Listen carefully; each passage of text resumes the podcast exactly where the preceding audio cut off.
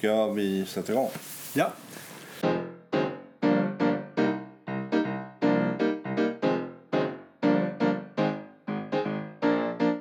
I morse så när jag satte på tvn så det första som drabbar mig det är den här EU-rapporten om vårt bristande gränsskydd.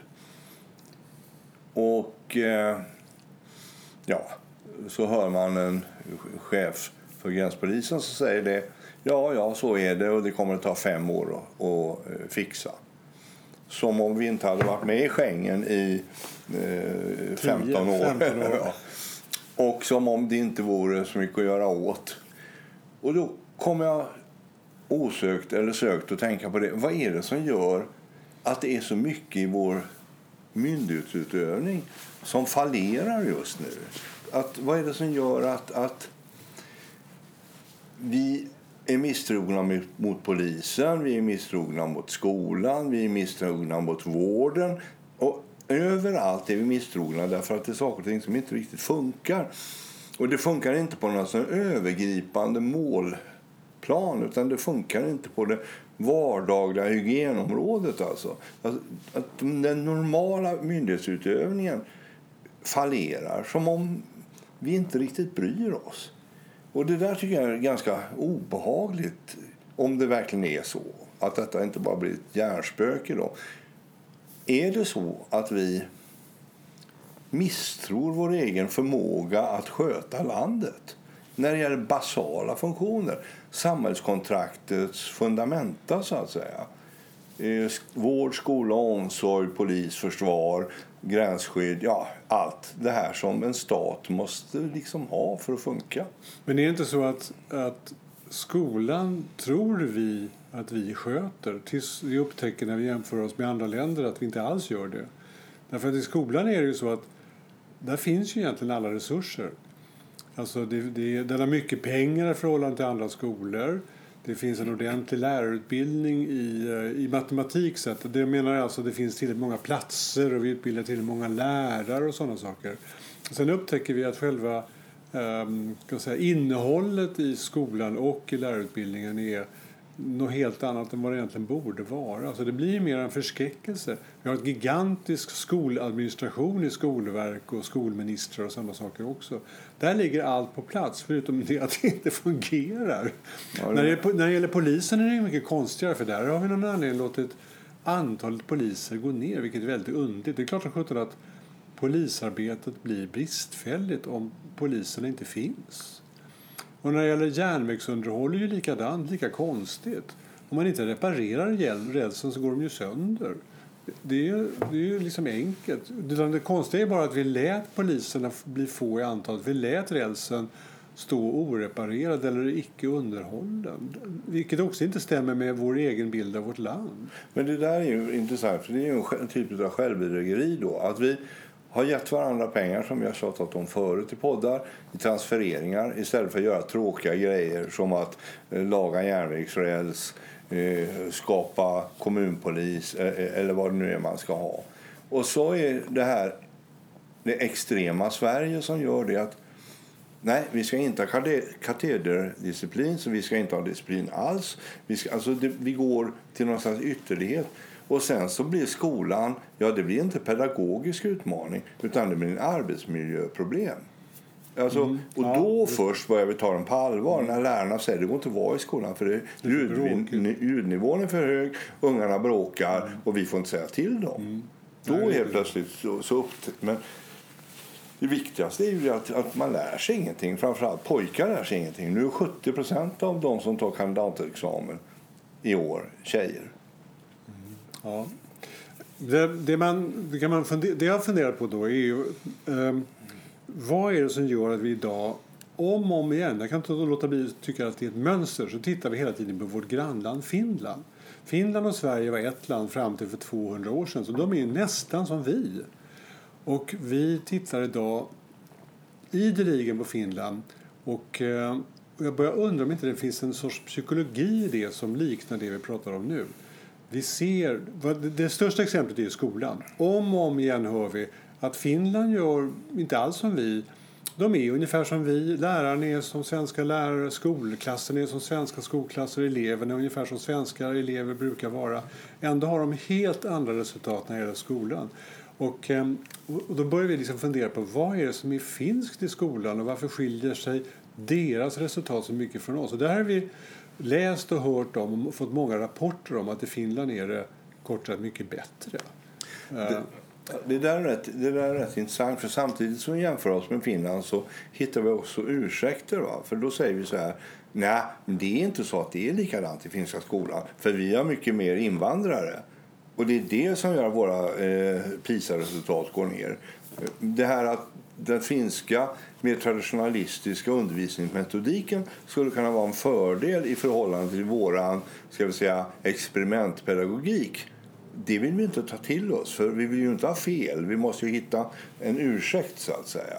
Och, och det där tycker jag man känner igen på, på flera områden eh, när, det gäller, när vi jämför oss med Finland. Så att säga. Men jag måste säga att det är dubbelt. Därför det finns någonting i, det finns någonting i rapporterandet från Finland som också är alltså, tyst, i tysthet intresserad. Ja, lite intresserad, lite beundrande. Det, det, det du sant.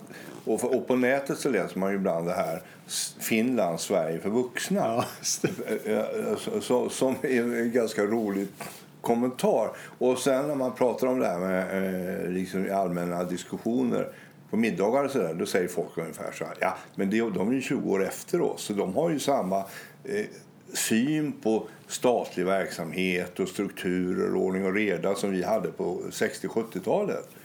Men de är snart lika eländiga som vi när de bara, bara hunnit bli moderna. Det kan ju vara så, men, och det, det, det är svårt att bedöma om Finland går den vägen. Men, men det intressanta är ju vår egen... Jag kan inte låta bli att tycka att den här hemliga beundran av Finland är intressant. För om igen, jag tycker mig se ett mönster. Ja. Man tänker den här, de här rejält uppslagna artiklarna i vanlig svensk media om det finska tillslaget mot ryska eh, skärgårdsegendomar. Det var ju intressant alltså. Eh, det, det, blev en rätt stor historia i svensk press och det fanns också, eh, man gjorde antydningar till att liknande förhållanden fanns i Sverige. Dock har vi inte slagit till på samma sätt som finnarna gjorde.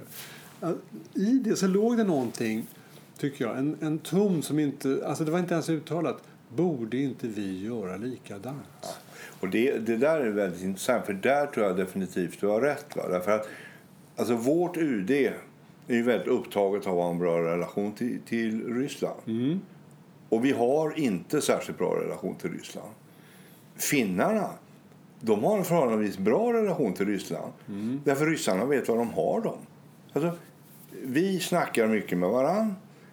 Vi har haft ett krig ihop och hit men inte längre. Och ryssarna accepterar, ja, nej, men finnarna vet vi var, var, var vi har. Vi testar dem lite, men vi vet, här är det stopp. Och vi blir inte arga på det, för vi vet att det är det som är regelverket. Eh, kör man för mycket med eh, lillgrannen, då blir han ilska. Och, och, och det där tycker jag är någonting som kanske är nyckeln till din fråga här. Varför är myndighetsutövning tydligare i Finland? Oavsett skola eller försvar eller vad det är. Och det kan ju helt enkelt bero på det att de hade krig för 70 år sedan. Mm. Och vi har haft fred i 200 år. Mm. Och det här reality-checken att när som helst kan taket rasa ner som, som finns i den finska uppfattningen om världen. Den har ju inte vi. För vi uppfattar ju ska jag säga, att det skulle kunna hända något otäckt det är lite 1980, det är lite barnsligt att prata om. Men i Finland får man fortfarande prata om att det omöjliga kan hända. Och det där tror jag är, liksom, det gör att det blir mer allvar inom citationstecken i myndighetsutövningen oavsett om det är vård, skola, omsorg, eller försvar eller polis. Det kan vara så. Jag minns, om man tänker rätt nu, den lågkonjunktur som var innan Nokia hade kris. Mm den, den svacka som, som rådde i Sverige men också rådde i Finland. Och jag kanske minns fel därför att jag minns, ja, hur som helst, låt oss tänka oss att vi är 20-30 år tillbaka. Så minns jag att vi satt och resonerade om Sverige och Finland. Och då var det någon som sa så här, varför är den här lågkonjunkturen mindre smärtsam i Finland än vad det är i Sverige? Jo, i Finland är man mycket närmare det, det riktigt hårda livet. Man vet hur man går tillbaka till potatisåkern och ser till att man ändå får upp potatis varje höst så att man har någonting att äta. Och I Sverige har vi förlorat den kontakten på något sätt med eh, det, där, det hårda, enkla livet som gör att man ändå överlever. Och därför blev smärtan i, ehm, i förlorade jobb och minskade inkomster och sådana saker mycket, mycket större i vårt land än i Finland. Även om det matematiskt var ungefär detsamma. Eller matematiskt ja, ekonomiskt. Och, och, på den tiden så var ju levnadsstandarden dessutom sån att vi hade högre levnadsstandard än dem. Mm. Nu är det ju inte så. Nu har de ju något högre än vi. Men, men det intressanta är det att jag tror att det ligger väldigt mycket i det du säger. Just det här att verkligheten är närmare. Alltså, man är helt enkelt beredd på att det kan hända otäcka saker. Då. Sen kan man ju, vi ska inte, vi ska inte hylla Finland och säga att de är världens bästa land och sådana saker. Men, men, det, men det är ändå intressant, en intressant eh, observation tycker jag. De är ju ändå Eh, hederliga om man säger så. De är ju inte liksom främlingsfientliga. Sådär. Men däremot kan man ju säga att det går ju att hitta nackdelar med Finland. Typ att de inte släpper in invandrare i den grad som de kanske borde ha gjort om de var ett vanligt europeiskt land. De kanske inte borde ha gjort lika mycket som Sverige men, men eh, de kunde väl liksom ha lyft lite grann och de har ett sann sannfinländskt parti som är rätt nationalistiskt och inte så himla trevligt. Men om man bort, så att man ska inte tro att Finland är det nya Sverige i helighet och sådär. Så enkelt är det inte. Men det finns ändå goda sidor som vi, framför allt att vi själva tittar på dem med den här dolda beundran. Det är ja. intressant. Alltså, när, när jag var konsult för tusen år sedan då jobbade jag ju rätt mycket i Finland. Alltså, nu pratar vi åt, tidigt 80-tal, sent 70-tal. Och det en sak som slog mig det var det att Ofta när man konsultade i Sverige så ville de ha konsultrapporten som bevis på att de hade gjort nåt. Mm. Medan man i Finland gjorde det vi sa till dem. Alltså, man var rådgivare åt ett mm. finskt företag. Mm. Så hände någonting med rådet. Alltså, de sa nej, det här är dumt. Eller så sa de ja, det låter bra så det gör vi. Och sen gjorde de det. Och i Sverige var det här, det här steget att göra mycket längre bort så att säga. Ja, vi tar in det här, vi lägger in det i, i ledningsgruppens handlingsplan för nästa år och ja, bla bla bla. Och så, men, men just det här att ja, nu sätter vi om gräva, det var mycket närmare i Finland. Och om det sen blev en fördom, och det, jag menar, det är anekdotisk bevisning. Vi, vi snackar om 5-6 konsultgig i Finland och 15-20 i Sverige. Så det är ju inte riktigt vetenskapligt underlag, men det, det, fanns ändå där som man brukar säga att i Sverige sammanträder ni och snackar, i Finland går vi ut och gräver. Alltså, lite av det faktiskt. Jag kan inte låta tycka att här, den här militära liknelsen som du sa tidigare, det finns ju naturligtvis, eh, man, det är ett indicium på att de fortfarande lever i ett lite, lite mer, man låter det militära administrationssättet råda fortfarande i en större del av det civila samhället. Ja, men alltså alla gör ju lumpen i Finland fortfarande. Och, ja. och det, bara en sån sak. Ja, menar, Sveriges industri var ju befolkat av reservofficerare mm. fram till för 10-15 år sedan. Mm. Uh, nu tappar vi successivt hela uh, vår kontakt med det här hierarkiska sättet att, att vara. Och så börjar vi om igen och så har vi en begränsad värnplikt och då kommer väl det att komma tillbaka successivt. Men i Finland, där är ju varenda kille i försvaret. Och de mm. tjejer som är frivilliga, de är också i försvaret. Och, och det är klart det påverkar en att det tycker i alla fall jag som har gjort lumpen. Visst påverkar den att Eh, Eh, veta exakt vad man ska göra och eh, exakt vad som gäller och hur man ska fördela och leda arbete rent konkret. Det är klart att om vi, om vi fortsätter med Sverige och tänker att vi, vi, borde, vi borde vara snabbare till att se till att identifiera problemen och framförallt sätta igång för att göra någonting åt dem så kan man ju, skulle man kunna tänka sig att en, en god fostran vore att, att man sa så här, men vi måste, det här måste vi lägga ner lite pengar på. Vi kallar in vi, fort, vi börjar om igen. Vi kallar in hela årsklasser, män och kvinnor. Och så får de militär utbildning och i den militära utbildningen så ingår det här gamla vanliga. Man samlar ihop sig, man, man avdelar sig, man administrerar sig. Man har ett chefskap och en hierarki som är väldigt tydlig och man har en befälsordning som är strikt. Och eh, så fort man hittar något dilemma så för man upp det och sen så för man ner det igen i form av rådgivning. Ja. Och det är klart att det skulle kunna vara, skulle kunna vara rätt gynnsamt för den svenska ska man säga, moralen eller ja. andan eller sättet att vara i samhället. Man skulle ju inte ens behöva uh, sätta in 100 000 i försvaret varje år därför att det skulle naturligtvis bli ganska dyrt. Utan man skulle kunna ha tre, fyra månaders samhällstjänst i vård, omsorg, och så vidare. Alltså att alla kallades in. Men en del hamnade på, brand, ja, nej, men det är klart. Ja, ja, på brandkåren och en del hamnade på ålderdomshemmet. så att säga. Men alla kom in i någon form av kollektivistisk temporär struktur. Mm. Och det tror jag absolut skulle kunna funka. Alltså, jag tror det skulle det vara bra. Ja, dels det. Och sen också att det finns en det finns, man, man tränas i grunden för att vi står här nu eller samlas här eller är här i tre månader är också en ganska, vi kan, landet kan hamna i en väldigt obehaglig situation. Mm. Det här lättsamma livet, inte, där man går till jobbet och äter frukost och har trevligt, den kan plötsligt upphöra. Nej. Precis, och då får man civilförsvarsvinkeln på det hela ja. samtidigt. Ja, och det blir en totalförsvarsutbildning. Och, och, det tror jag skulle vara jätte, jättebra. Men som sagt, det är nog inte så förbaskat lätt att komma därhen så att säga. Och dyrt som, jag kan tänka mig att om man skulle lansera det som moralisk upprustning skulle det uppfattas som väldigt dyrt. Ja, alltså... Men å andra sidan är det ju inte så förbaskat billigt heller att, att ha en väldig massa killar mellan 17 och 27 som eh, löper amok på gatorna. Nej, det är riktigt. Men, men, men, jag, men det vi hoppas på är egentligen att uh, om, det, om det här plötsligt skulle sättas, sättas igång då skulle ju då skulle när den här generationen kommer ut och blir järnvägsadministratörer så skulle de aldrig tillåta att, att, att järnvägsväxlarna går utan underhåll. De skulle inte tillåta or, bus och ordning, oordning i skolan. De skulle inte tillåta en poliskår som, som är utan poliser. Den typen av uh, genomgripande förändringar. Ja, alltså det här som, som jag brukar säga att det vore ju bra om verkligheten blev på allvar, ja. även i Sverige. Därför att det var en jättebra ledare i Expressen i helgen här om, eh, som var riktad direkt till utrikesminister Wallström. De sa det, tänk nu efter här. För nu har busarna tagit över i världen och då måste du ska säga, anpassa din politik till det faktum att det går inte att prata alla till rätta saudiska kungen, Putin, eh, Orban och gänget. Lika lite som våra gangsters i förorterna så kan man med dialog eh, utveckla det hela så särskilt positivt.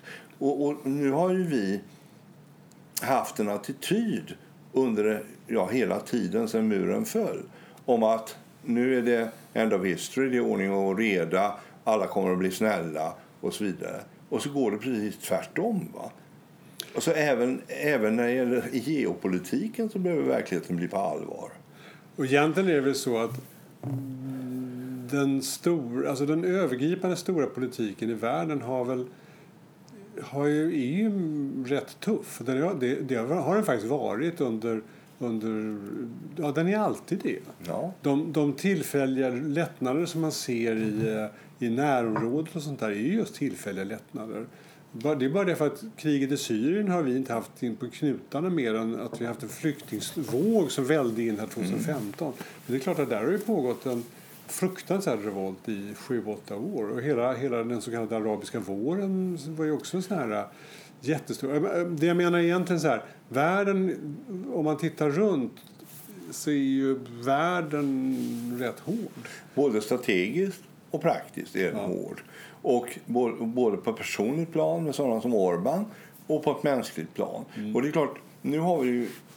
Jag läste en intressant sak på nätet i, i morse om den här folkförflyttningen från Mellanamerika upp mm. mot USA mm. som började med 100 människor och nu är uppe i en eh, 20 000 mm. som faktiskt bokstavligen går mm. norrut. Mm. Och jag hörde på tv i morse så var det en, en kille från Honduras som sa så här Ja, vad, vad, ska ni göra nu då? Ja, vi ska gå och hälsa på Trump. Mm. Det var liksom hans... Och Trump på sin sida, han säger så här, jag sätter in militär. De kommer inte över gränsen. Och, och, det här, och media behandlar det, en flodvåg av flyktingar. Nej, det är inte en flodvåg av flyktingar. Det är en jäkla massa familjer mm. som är på väg att gå norrut. Därför att de vill inte att deras ungar ska bli slavar till gangsters. Mm. Och, och, och det är en fullkomligt mänsklig, logisk marsch norrut. Men det finns ingen rimligt mottagande. Nej. Därför att de är för många. Ingen vill ha dem. Och detta är den första fysiska exemplet på det här marschen från syd till nord som man har pratat om i tio år. Ja. Och det ska bli extremt intressant att se hur slutar det här? Blir det anständiga FN-läger i Mexiko eller blir det kulsprutor på muren mot, mot Texas? Alltså det, det, det blir jätte... Väldigt obehagligt. Men Ja, det klart, men det visar ju också detta att, att det är hårt där ute Mm. och det går inte att snacka. Nej, det är riktigt. Och vi måste, vi måste försäkra oss om att våra egna statsmakter har inte hårdhandskar utan snarare har ett realistiskt sätt att se på dem och vet hur man ska hantera denna, denna hårda värld. Och, och, och samtidigt bibehålla det som vi ändå tycker är bra med Sverige. Demokrati och yttrandefrihet och sådana saker. Ja, en anständighet och en medmänsklighet det, det är ju ett minimikrav att man har. Hur många, hur många invandrare ska få komma till vårt land? Ja, hur, om våra skattepengar, om vi ska dela ut dem till en miljon till så räcker de.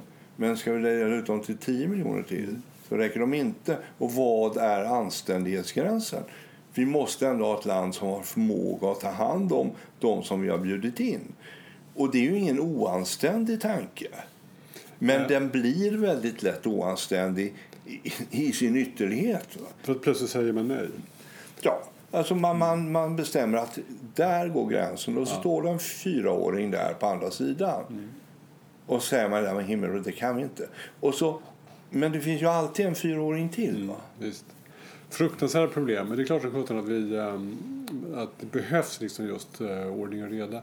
Och ehm, om vi fortsätter då så är det ju, det är ju likadant med de här som vi har redan klagat på. Järnvägen och polisbristen, eh, klassrumsslarvet eller klassrumsbråket och, och, eh, och ett försvar som faktiskt behöver byggas upp. Ja, men alltså, om man nu tänkte bara konkreta det här nolltoleransfrågor. Var börjar man? Vad, vad vill man att en ny regering ska göra? Till exempel skulle jag vilja det att det skulle vara totalt otänkbart att vårdpersonal på ett akutintag ens funderar på att de skulle kunna få stryk. Det ska Ja, vara absolut sluss.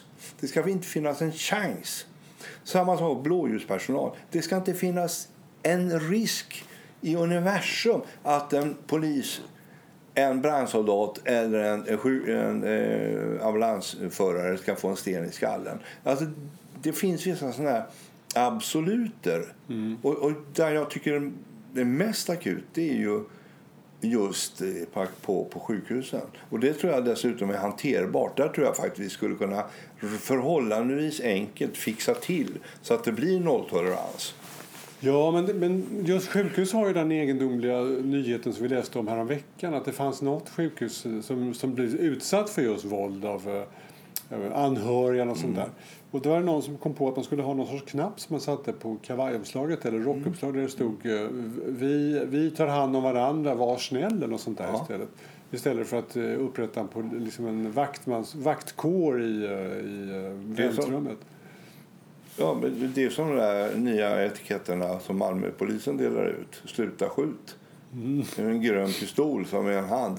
Alltså, det är naturligtvis vällovligt att man, man gör försök men, men frågan är om inte gangstern tycker att det är ganska löjligt. Och det är ju ändå honom man ska försöka påverka. Och, alltså, ordning och reda i klassrummet, ordning och reda på akutintaget, ordning och reda på torg och gator. Alltså att successivt återbygga detta. Börja på akutintagen, ta skolan och så till slut kanske vi kan fixa torgen också. Alltså några sådana här enkla hygiensaker i, i närmiljön. Och sen också de strukturerna. Titta på hur finnarna gör i skolan. Men då, men då alltså måste jag ändå undra. Ehm, jag inbillar mig att det är så här.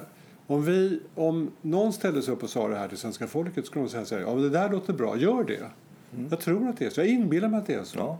Eh, Och vi behöver inte säga att är vi ska göra som i Finland. Vi behöver inte säga någonting mer. Bara att väldigt enkla saker. Eh, Järnvägen ska, tågen ska komma i tid det ska bli ordning och reda i skolan. Det ska finnas tillräckligt mycket poliser. Ja, det är väl självklart. Vi trodde att det var så, eller skulle vara så i Sverige. Ja. Måste man ens säga det politiskt? Självklart gör det omedelbart, skulle alla säga med jo. Och då undrar man, det, finns det någonstans motstånd mot det? Ja.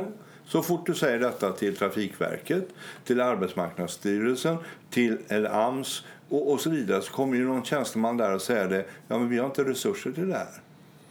Vi, det kostar. Vi måste... Och så säger men styr om nu, för ni har 16 000 anställda.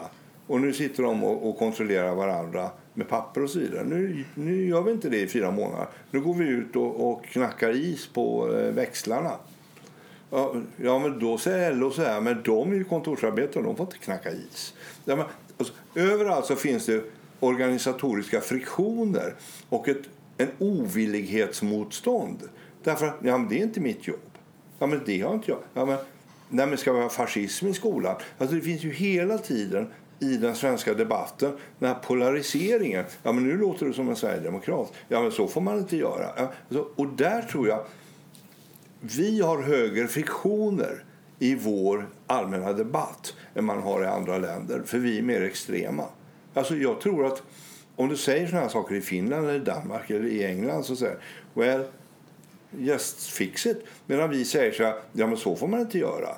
Så här måste man göra. Ja, men mitt barn har inte fått vegankost kost i skolan så jag måste sluta jobba för att göra matlådor. Ja, det var intressant. Ja, men alltså, och då, då har man ju nått en nivå på Maslows behovstrappa som är rätt svindlande hög. Jaha, så du menar att vi samtidigt som vi önskar och vill det här så är det ändå så att vi allihopa bär på ett djupt motstånd mot de här förändringarna? Ja, någon annan ska göra Alltså, nej, men alltså, du, alltså, jag är orolig för detta. Och detta är något som jag kommer att tänka på medan vi pratar nu. Det här att vi är så extrema. Tittar man på en debatt på Twitter eller Facebook sida så, är det ju alltid så att någon säger någonting som man tycker ja, det här ser ju ganska klokt ut. Så kommer någon annan och säger fascist. Eller kommunist eller någonting sånt där. Tvärt. Alltså, det blir så otroligt polariserat direkt. Vi tror att vi är normala mittenmänniskor. Men i själva verket så är vi till och med Centerpartiet är extremister. Mm. Lägg ner arbetslagstiftningar. Mm. Jag menar, hallå, ja. det, det vågar ju inte ens yttersta högern säga nej, förut. Va? Och, och alltså, vår interna diskussion blir omedelbart polariserad. Alltså, en att bli överens om en vanlig, vettig utvecklingssteg. Ja, nu ska vi ha ordning och reda i klassrummet. Det, Rim, behöver, inte, ja, det behöver inte betyda katederdisciplin och, och, och, och, och hets från Ingmar Bergman-tiden utan respekt, arbetsmiljö och så vidare. Mm. Det borde och, inte vara så kontroversiellt. Nej. nej. Och då kommer omedelbart någon säger det, moralisk upprustning, ja. du ska inte tro att du är någon och barnen måste ha sin frihet och, och så vidare. Och i och med att vi är så otroligt polariserade så är det lugnast för politiker och ämbetsmän att bara strunta i och göra en utredning för då skjuter man ändå fem år fram i tiden. Och så är det så då att vi, att vi jag tror fortfarande det är så att de flesta praktiskt taget alla föräldrar vill att barnen ska gå i en skola där det är ordning och reda och att man lär sig något. Och vi, jag tror att jag inbillar mig att det är så. Ja, de ska inte behöva vara rädda. Som jag läste i tidningen idag. En åttaåring går omkring med kniv i skolan och hotar sina klasskamrater. Mm. Och skolledningen vågar inte ta i det för de vet inte hur man ska hantera Nej. frågan. Jag menar, då har vi också kommit ganska långt på en annan steg. Men då, men då är det ju som att vi um, mer eller mindre nästan varje individ av, av oss svenskar bär på den här egendomliga dubbelheten. Vi önskar ordning och reda men vi är inte riktigt beredda att, vara, att stå upp eh, civilkuragemässigt och också hävda det. I, i den vardagliga situationen. I, I lärarrummet, eller i klassrummet eller bara rakt upp och ner på gatan. Ja, nej, men vi är... Det där, jag, tror, jag tror du har någonting där. Alltså, vi är väldigt, väldigt rädda för att framstå som auktoritära. Som lite gammaldags, lite morfars eh, moralistiska. Mm. Och i, för att slippa det så tycker vi ingenting. Alltså, det finns en, en, en brist på moraliskt ansvarstagande. Jag tror, jag tror du har rätt där. Jag tror du har hittat något där. Som, som, vi, som vi individer har liksom drabbats av. Är det därför vi hör såna egendomliga uttalanden då från den invandrade svensken som förvånat tittar på vårt land och säger saker som vi, vi blir förvånade över att de, att de kommer på? Jo, somalier som röstar på Sverigedemokraterna Ja, för att det måste bli ordning och reda. Precis. Och vi kan ta in fler för då får vi... Alltså, jo, jag hörde en sån kul kille, någon somalisk invandrare i Halmstad som har en videologg i morse. Och, och som, han kunde ju varit partiföreträdare för Sverigedemokraterna. Det var ju, alltså, jag tyckte det var jättekul det han sa. Men jag skulle inte våga lägga upp det för då skulle folk tro att jag var, att jag var fascist. Liksom. Alltså, men, men, men han var precis det. Så här. Ja, men ni har ett fint land. Ta hand om det så det finns kvar. Jag, även jag som nysvensk vill ha ett bra land. Titta er omkring och vad, vad tar det på, rikt, på allvar. Och, och det är faktiskt intressant. Va? Man kommer utifrån man, från Somalia, man lär sig svenska på fyra år, man skaffar sig en videologg och så säger man det. Men hej guys, ni måste vara varsamma med det, det ni har för annars försvinner det och då får jag också svälta. Och det egendomliga är att om man då fortsätter den tråden, är det så att våra utlandskommande svenskar, att de har, de har ofta mer, ska man kalla det för, personlig moral än vad vi har. I, när den har gått för långt så kallar vi det för hederskultur, det tycker vi verkligen illa om det. Men det kan ju vara så att de ändå har behållit mer än vad vi har gjort av den här vad ska jag kalla det för, individuella kulturen och ansvarskänslan. Och att vi, om vi tittar på vårt eget land med deras ögon så ser vi plötsligt något helt annat. Eh, Inte helt annat, men vi ser på det på ett lite annorlunda sätt. Det kanske till och med är så att de kan lära oss någonting. Ja, det där är en jätteintressant vinkel därför att vi har ju det här inbyggt i oss att är det problem så tar staten hand om det. Ja. Vi, är faktiskt, vi är ju faktiskt uppfostrade till att inte ta onödiga privata initiativ därför att det, är lite, det skapar friktioner i systemen. Och när vi gör något privat ja, då måste det försvaras av en eon av argumentation. Så att det, det, det är det här att vi är lite vä- välfärdsbortskämda och därmed också lite eh, ansvarsfrånskrivande.